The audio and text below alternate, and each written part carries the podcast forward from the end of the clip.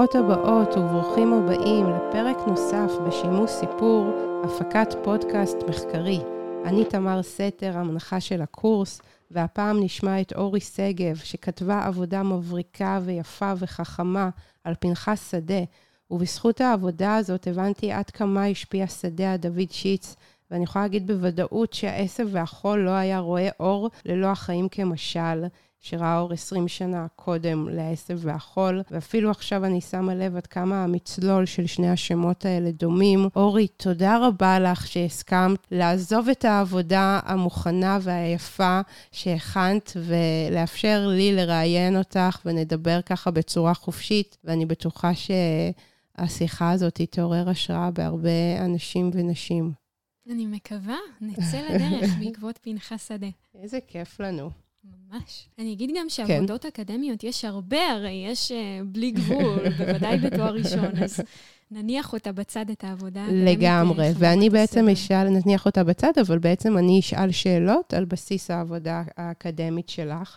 והדבר הראשון שריתק אותך זה העניין של הדמות הפולחנית של פנחס שדה, גם אצל סופרים מוכרים, כמו יותם ראובני, כמו יוסף מונדי, שביקרו אותו וכתבו על הביקורים האלה, ואת הלכת אל הספרי זיכרונות שלהם ואל הראיונות שהם ערכו איתו, ועשית באמת עבודה כזאת מושקעת ורצינית. הראית שבעצם באקדמיה חקרו אותו מעט מאוד, ויש פער אפילו בלתי נתפס בין המרכזיות שלו וההשפעה שלו. וגם על סופרים צעירים ומשוררות צעירות, לבין העובדה שלא כל כך מדברים עליו באקדמיה, נגיד במבוא לספרות, מבוא היסטורי, אפילו לא הזכירו אותו, אם אני לא טועה, אז אה, בואי נדבר קצת על זה. Mm-hmm. יש איזו מחשבה כללית באשר להתקבלות של פנחס שדה המרגשת והסוערת בתרבות הפופולרית, אה, כשלמעשה אה, איש מעולם לא התייחס במחקר לאותם ספרי זיכרונות שמצאתי במקרה על המדף. בכלל, אני, לפעמים יש לי פגישות גורליות עם ספרים, אז תוך כדי העבודה לקראת הפודקאסט, הלכתי ברחובות שליד ביתי, והפלא ופלא, פתאום נחת באחת מספריות הרחוב ספרו של אהוד בן עזר, להסביר לדגים, עדות על פנחס שדה, ויש שם רשימות ביקורת מאלפות, מעניינות במיוחד, וזה מעניין גם, גם בהיבט הזה, כלומר, הרבה מדברים על הפופולריות של שדה, על האופן שבו הוא השפיע, כן, דיברנו על כך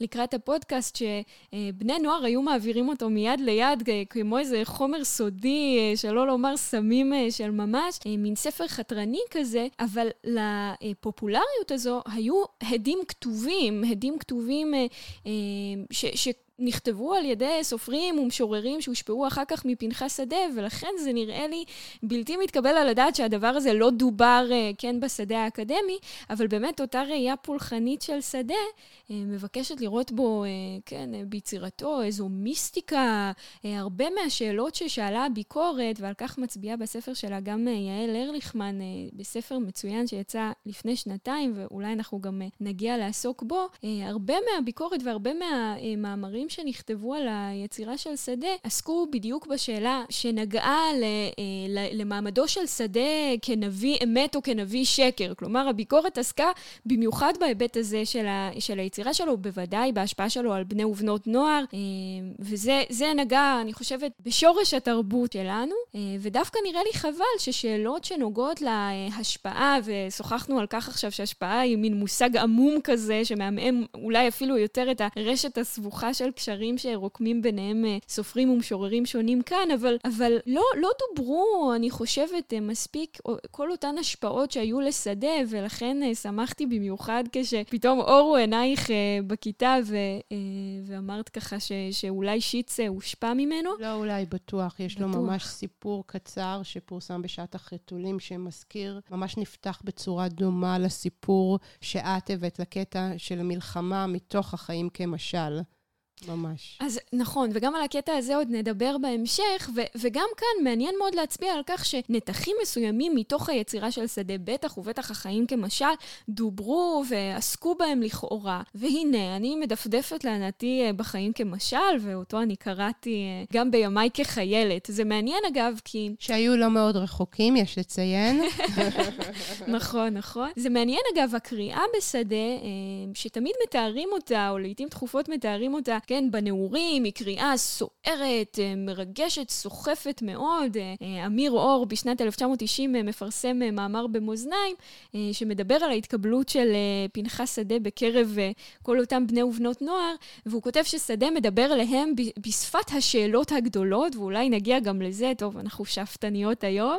החיים, האהבה והמוות. אז הקריאה של פנחס שדה בנעורים היא בכלל, אני חושבת שהיא איזה מרכיב חשוב בספרות העברית. העברית, בתרבות אפילו. כל נער ונערה צריכים לעבור דרך פנחס שדה. נכון, והקריאה שלי בפנחס שדה באופן אישי הייתה נורא מעניינת, משום שקראתי את פנחס שדה אה, ממש ב- ב- בתוך המרחב הלימינלי הזה שבין נעורים לנעורים מאוחרים, נגיד. הייתי סוחבת אותו בצבא כשהוא תחוב בכיס מכנסי אה, מדעי הבית שלי. זהו. נהדר. אז אני אגיד כמה פרטים אוטוביוגרפיים מהעבודה שלך, שפנחס שדה חי בין השנים 1929 לבין 1994. הוא נולד בעיר לבוב, שזאת עיר מאוד מעניינת, הרבה מאוד סופרים נולדו בה. היא היום שייכת לאוקראינה, ואז היא הייתה חלק מפולין. הוא הגיע ארצה עם הוריו בגיל חמש, הוא בן יחיד, הוא מתאר על החיים בבית מאוד לא... אה, ספרותי, אינטלקטואלי, משכיל, בחיים כמשל. זו גם נקודה מאוד מעניינת, משום שהוא באמת בונה עבור עצמו. הקשר כאן בין ה... עסקנו קצת בשיחות שלנו אה, לאורך השנה, לאורך הסמסטר למעשה. מרגיש כמו שנה, מה שעברנו כן, עם פנחס שדה. בקשר שבין הביוגרפיה ליוצר, וזה קשר חמקמק, וזה קשר מסוכן, יש לומר. אה, וכאן, בהקשר של פנחס שדה, אני חושבת שהוא ממש עיצב עבור עצמו את הפרסונה שלו, שהתקיימה במקביל גם בחיים וגם ביצירה שלו. וכתבתי גם על, ה, על האופן שבו אה, הוא מבקש לצאת נגד האקדמיה ונגד הפסיכולוגיה, ובתוך כך הוא בעצם הודף מעליו כל אפשרות לפרשנות, ועד היום למעשה, ועל כך גם אה, רצינו בוודאי... בוודאי אה, לשוחח אה, על אותו פוסט אה, שפורסם בשנה שעברה בפייסבוק, שפרסם פרופסור חיים וייס, אחרי שראתה אור ביקורת של נדב הלפרין, שהוא עורך ומגיש בכאן תרבות, את התוכנית אש זרה, והוא פרסם ביקורת על ספרה של יעל ארליכמן, שראה אור אז, שנה לפני כן ב-2021. הייתה סערה גדולה גדולה באשר לאפשרות או לאי האפשרות לגשת ליצירה של פנחס שדה מתוך האקדמיה. נדב אלפרין לצורך העניין לא ניגש אה, לקרוא את אה, שדה מתוך האקדמיה, אלא באמת אה, מתוך נקודת מבטו של חובב ספרות, של מי שמתעסק ביצירה של שדה לא מעט, יש לומר, ואולי הרבה יותר ממה שמתעסקים בשדה באקדמיה. ועלו שתי תגובות סותרות, כן? והוא מסיים את הביקורת שלו בכך שבעצם האקדמיה צרה מהכיל את, את הפרסונה הזו, הבלתי ניתנת לתיאור באמת, שלא ניתן לעמוד על כל מאפייניה של שדה, ומכיוון אחר עלו דווקא אה, ביקורות אחרות על הדברים האלה, שבוודאי ביקשו אה, לציין שפנחס שדה הייתה לו כל אותה רשת של השפעות, אה, גם שכן, כותבים שמהם הוא הושפע בוודאי, גם בהיבט הספרותי וגם בתשתית הפילוסופית שפרוסה מתחת ליצירתו, וגם כמובן יוצרים שהושפעו ממנו, שבהיבט הזה אני מרגישה מרגישה שזה לא דובר בכלל אצלנו את ממש צודקת, וזאת שאלה נורא מעניינת. האם האקדמיה הוציאה את הרוח מהמפרשים, מיצירות? כלומר, העובדה שאנחנו חוקרות יצירות וחושבות על יצירות ומנתחות אותן מכל הכיוונים, זה דווקא מוריד את הרוח מן המפרשים, או, או אה, לא גורם לנו להבין את היצירה במלואה, כמו שמעלה נדב אלפרין? או שזה דווקא כלי מאוד חשוב. בעיניי האקדמיה היא, היא הדבר, היא לא גרמה לי פחות לאהוב יצירות, והיא גם לא גרמה לי לחשוב שאני יכולה להגיד הכל על יצירה. Mm-hmm. כלומר, ברור לי שהאקדמיה צרה מהכיל יצירה. כמו תמיד, כי היצירה היא תמיד עצומה. כן, והיא גם חוויה רגשית מאוד בדיוק. אינטנסיבית, נכון. לפעמים גם אני, כלומר, זו שאלה באמת, אה, שאלה נכבדת אה, וקצרה היריעה כאן, אבל, אה, אבל היא באמת מעוררת מחשבה, משום שאני למשל מרגישה הרבה פעמים בקריאת שירה באקדמיה, שלפעמים השיר נעשה כמו איזו גופה, ואנחנו מרימים חלקי גופות, ואנחנו אומרים, כאן העורק הראשי, כאן הלב הפועם. ולכן אני, אני בוודאי מבינה את התנועה, אני גם חושבת שפנחס שדה היה מעורב מאוד בחיים. הדמות שלו אה, הייתה מצויה בתוך החיים, ואנחנו מכירים כמובן כל אותם יוצרים צעירים, ש... או בכלל, אנשים צעירים שקראו אותו, שצלצלו אליו, גם אה, יוסף מונדי עצמו, זה לא ייאמן, כלומר זה לא פסח אה, על דמויות יוצרות חשובות שאנחנו מכירים אותן. הרימו לו צלצול בטלפון, באו לבקר אותו, הביקור הזה אצל פנחס שדה הוא נתפס כמו איזה, איזו עלייה לרגל. ונכון, ויש איזו מחשבה שהאקדמיה אה, היא אה, מנותקת באיזשהו אופן מן החיים הלוהבים, הרוטטים עצמם, וזה לא עושה עימה חסד גדול, אני חושבת. גם חושבת שיש כל כך הרבה כלים שאנחנו מקבלות באקדמיה, שהן דווקא יכולות להרטיט אותנו יותר. כלומר, המחשבה שזה יכבה אותנו, היא בסך הכל מחשבה, היא ממש לא הולמת את המחשבה ואת החוויה שלי, אני חייבת להגיד לך. אנחנו גם תמיד אה, צריכות להישאר נאמנות לקריאה הראשונה. אה, זה משהו שקראתי לפני עידן ועידנים במלאכת השיר של בורכס, בסדרת ההרצאות הזו שלו, והוא מעלה שם אה, כמדומני שבאמת את אותה נאמנות לקריאה הראשונה של יצירה. כשאנחנו שבים עליה, או כשאנחנו עוסקים בה בגבולות האקדמיה, באמצעות כלי ניתוח ופרשנות, אז, אז אולי משהו מתערער, אם כי דברים אחרים יפים וטובים בדיוק. נחשפים. כן. ו- ו- ובכל אופן, אני חושבת שאותה קריאה ראשונה מסעירה ומרגשת, אז תמיד יש לה מקום uh, בצל קורתנו. אני אקריא עכשיו את הציטוט של יותם ראובני, שתבינו את הפיוטיות הזאת. אה, יותם ראובני גם, הספר שלו שראה אור ב-78 גם, ספר על וידויים, על אה, חוויות, על החוויות שלו כעומר שמחפש מין מזדמן ועל היחסים שלו עם משפחתו ברומניה ושאחר כך הגיע לישראל, אני גם לא חושבת שהיה רואה אור ללא החיים כמשל. אז הנה ציטוט של ראובני. פנחס שדה ביקש להביא אהבה ויופי לעולם. למרבה הצער, הוא חי ופעל במקום ובתקופה, שלא רק שלא גילו שום נטייה ליופי ולאהבה כאלה שהיו ממהותו של שדה, אלא שהיה זה מקום שתיעב יופי ואהבה כאלה, והתכחש להם, ואנשיו, אם היו יכולים, היו שורפים אחת ולתמיד את היופי ואת האהבה, ונשארים בעולם שבו חיו. היה זה עולם של ניגודים חריפים, בין רישתו של שיכרון כוח, המבוסס על עוצמה צבאית ועל בוז הולך וגובר כלפי שכניו הערבים, ובין סופו, אם אפשר לומר כך, של עידן הפחד והרדיפות, שבו היהודים לא יכלו להיות בטוחים באף מקום אחרי השואה הגדולה.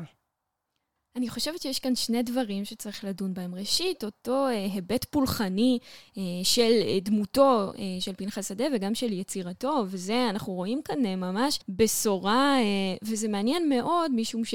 ודווקא אני חושבת שזה נידון אה, לא אחת, אה, אותו הקשר נוצרי של היצירה של שדה, וגם כאן יש ניחוח, אה, כן, אה, משיחי, נבואי, גאולי, אה, שעולה מתוך הציטוט של אה, יותם ראובני, ולכן באמת בהיבט הפולחני, של יצירתו, אני חושבת שזה אה, ציטוט ש, שבוודאי כדאי לדון בו. ומכיוון אחר, אני חושבת שמעניין מאוד, אנחנו בעצם מבקשות לשאול כאן אולי שאלה היסטורית, שנוגעת בעצם לניסיון שלנו למקם את שדה בתוך ההקשר של הספרות העברית, ואנחנו שוחחנו על כך שיש כל מיני, אה, כן, אה, תבניות שגורות שאנחנו מורגלות, אה, ואולי זו בעצם אה, הצהרה עם האקדמיה כפי שמבקשים לנסחה אה, אה, אחדים בדורותינו. מבחינתנו, יש כל מיני תבניות מקובלות באשר לסופרים מרכזיים וסופרים שוליים, ואנחנו מבקשות להעלות אולי כאן במסגרת המצומצמת הזו של פודקאסט מחדש לדיון את השאלה הזו באשר לפנחס שדה, ואנחנו כבר הצלחנו להצביע כאן, אני חושבת, ממש על, על הרשת המורכבת של השפעות. בדיוק, ואת אמרת משהו מאוד יפה לפני תחילת השיחה, שפנחס שדה ממש הולך בדרכם של ברדיצ'בסקי ושל גנסין ושל ברנר בשיחה, בטון substituir נכון, נכון. תמיד אה, ככה קושפתי בקסמם של אה, ברנר וברדיצ'בסקי בהקשר של ספרות הווידוי, אותה ספרות אה, שגרשון שקד מכנה ספרות אנטי-ז'אנרית. ובעצם עולה על דעתי שפנחס שדה עם הטון הווידוי שלו, הרי גם הוא אנטי-ז'אנרי. עכשיו, לא שזה בהכרח, אה, לא יודעת באשר לקשרים אה, שלו אה, לברנר וברדיצ'בסקי, אבל אני חושבת שזה בכלל מעלה לדיון מחודש את כל המערכת אה, אה, הזו שאנחנו משעינות עליה, אה, את תולדות. תולדותיה של הספרות העברית uh, החדשה, נגיד.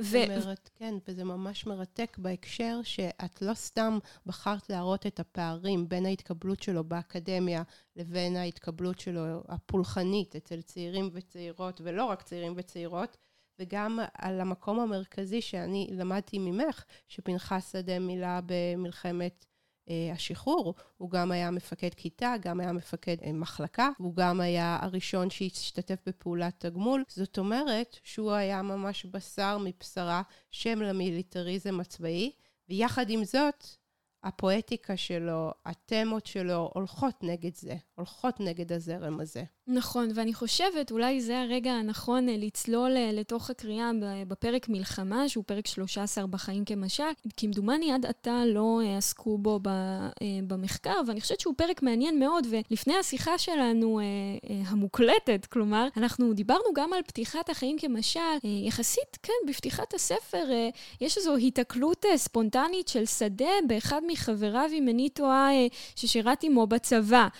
והרגע הזה שבו אה, פנחס שדה הופך מאיש צבא בעבר, כן, ובאמת הוא השתתף בפעולת התגמול הראשונה של צה"ל, ובאמת הוא, בכלל, הוא חי כאן בשנים המעצבות של, אה, של קום המדינה.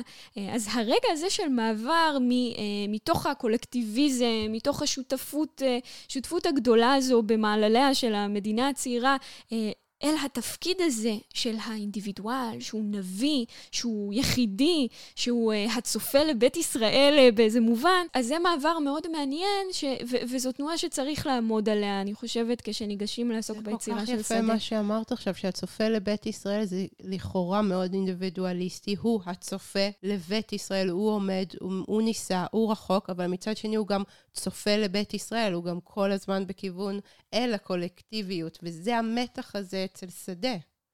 כן, הוא בעצם היחיד היוצא מתוך ההמון. וכל הזמן גם ההמון שב אליו ועולה אליו לרגל ומבקש ממנו, ויש את השאלה האם הוא נביא אמת, האם הוא נביא שקר. זה, זה מעלה שאלות בכלל על התבנית הזאת של אינדיבידואליזם וקולקטיביות. כלומר, האם זה באמת, כן. יש שם uh, כזה הבדל כמו שאנחנו חושבות? אז, אז זה בטוח שלא. כלומר, uh, מעמדו של פנחס שדה כסופר שולי, שגם מאפשר לנו להגיד, טוב, הוא סופר שולי, אנחנו אולי לא נתעסק בו, אולי לא נציב אותו, אם כי בשנים האחרונות אנחנו כן רואות uh, מחקרים שמתפרסמים על אותם יוצרים שוליים, אבל בכלל, להגדיר את שדה כסופר שולי, אני חושבת שזה לא עושה עמו חסד, שדווקא הוא... הוא מאוד, אה, אם מביטים באמת ב, אה, ברשת הסבוכה הזו של השפעות, אה, מכיוון אחד יוצרים שהשפיעו עליו, ומכיוון אחר היוצרים שעליהם הוא השפיע, מגלים שבאמת הוא קשור בוודאי לספרות הישראלית בת זמנו, גם אם הוא לצורך העניין נושא של קול חדש בהיבטים מסוימים, והוא מטרים אולי שינויים שיגיעו מאוחר יותר בדור המדינה למשל. דיברנו על הספרות המגויסת שרווחה מאוד ב, בתקופת חייו של שדה, ושיכול יכול להיות שהחיים כמשל, אה, ו- ואגב, זה, אנחנו מדברות כאן על החיים כמשל, אבל בעצם פנחס שדה כתב המון המון יצירות, גם בשירה וגם בפרוזה, היו שעסקו אה, בעיקר בשירה לתחושתי, אבל זה גם כן איזשהו עניין, כלומר, החיים כמשל, הוא תופס איזה נפח עצום, אבל למעשה פנחס שדה כתב, ואנחנו דיברנו גם על היצירות שלו לילדים, שאומנם הוא הסתייג אה, מחלקן נכון. בהמשך, כן, רשת של הקשרים מעניינים, ויכול להיות שהעמדה הזו שהוא מציג בחיים כמשל, ולדעתי גם בעל על מצבו של האדם, היא עמדה אה, חדשנית שמתרימה את זמנה וקובעת איזשהו, כן, מעמידה במרכזה את גורלו של היחיד, האינדיבידואל, והיא זו שהזמינה בעצם, הייתה זו קריאת הזמנה לכל אותם אה, יותם ראובני ודוד שיץ, שהגיעו אחריו והושפעו. לגמרי, וזאת חוליה מקשרת כזאת בין הספרות שנכתבה ב- בימים של מלחמת השחרור, לבין הספרות שנכתבה בשנות ה-60, עמוס עוז, א' ב' יהושע, והוא שם בחיים כמשל בשנת 58, בעצם מאפשר לעשות את המעבר הזה בין ספרות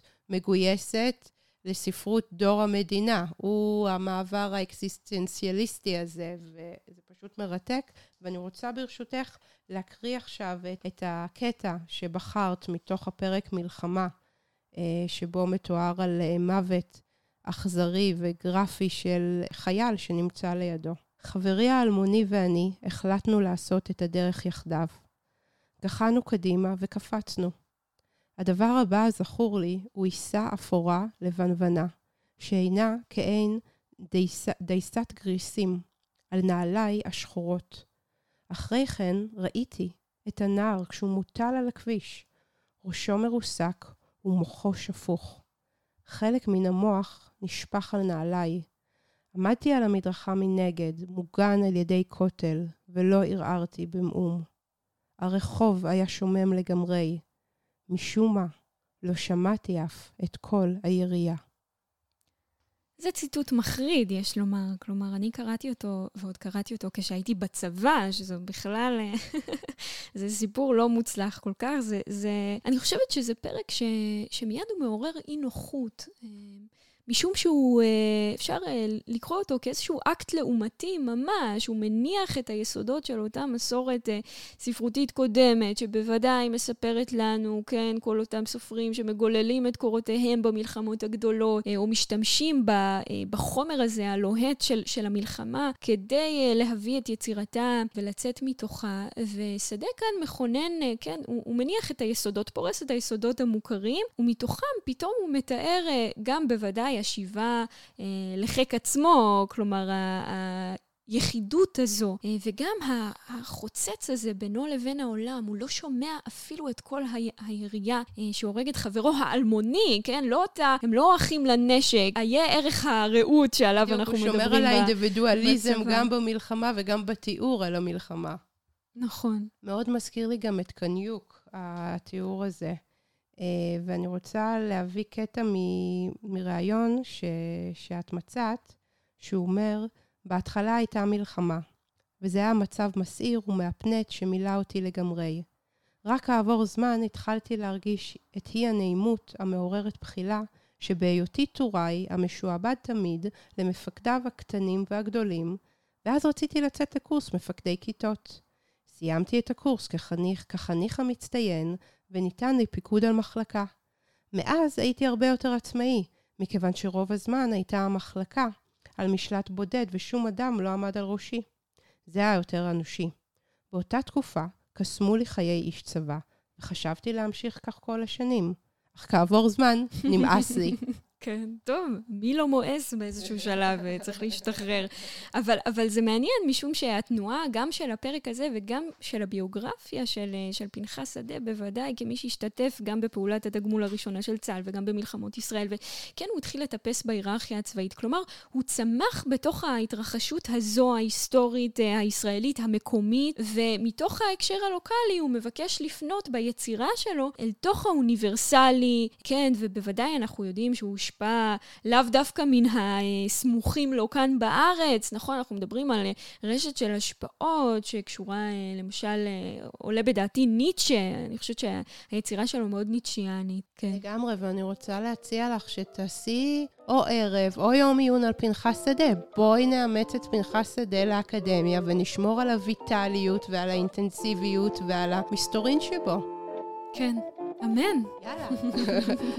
אורי, היה פשוט נהדר. תודה, ממש אה, נהניתי, שמחתי. פותח את הראש ושיחה מאוד חשובה, שאני בטוחה שתעניין הרבה אנשים ונשים. אני מקווה מאוד. גם אני. ביי, תודה רבה.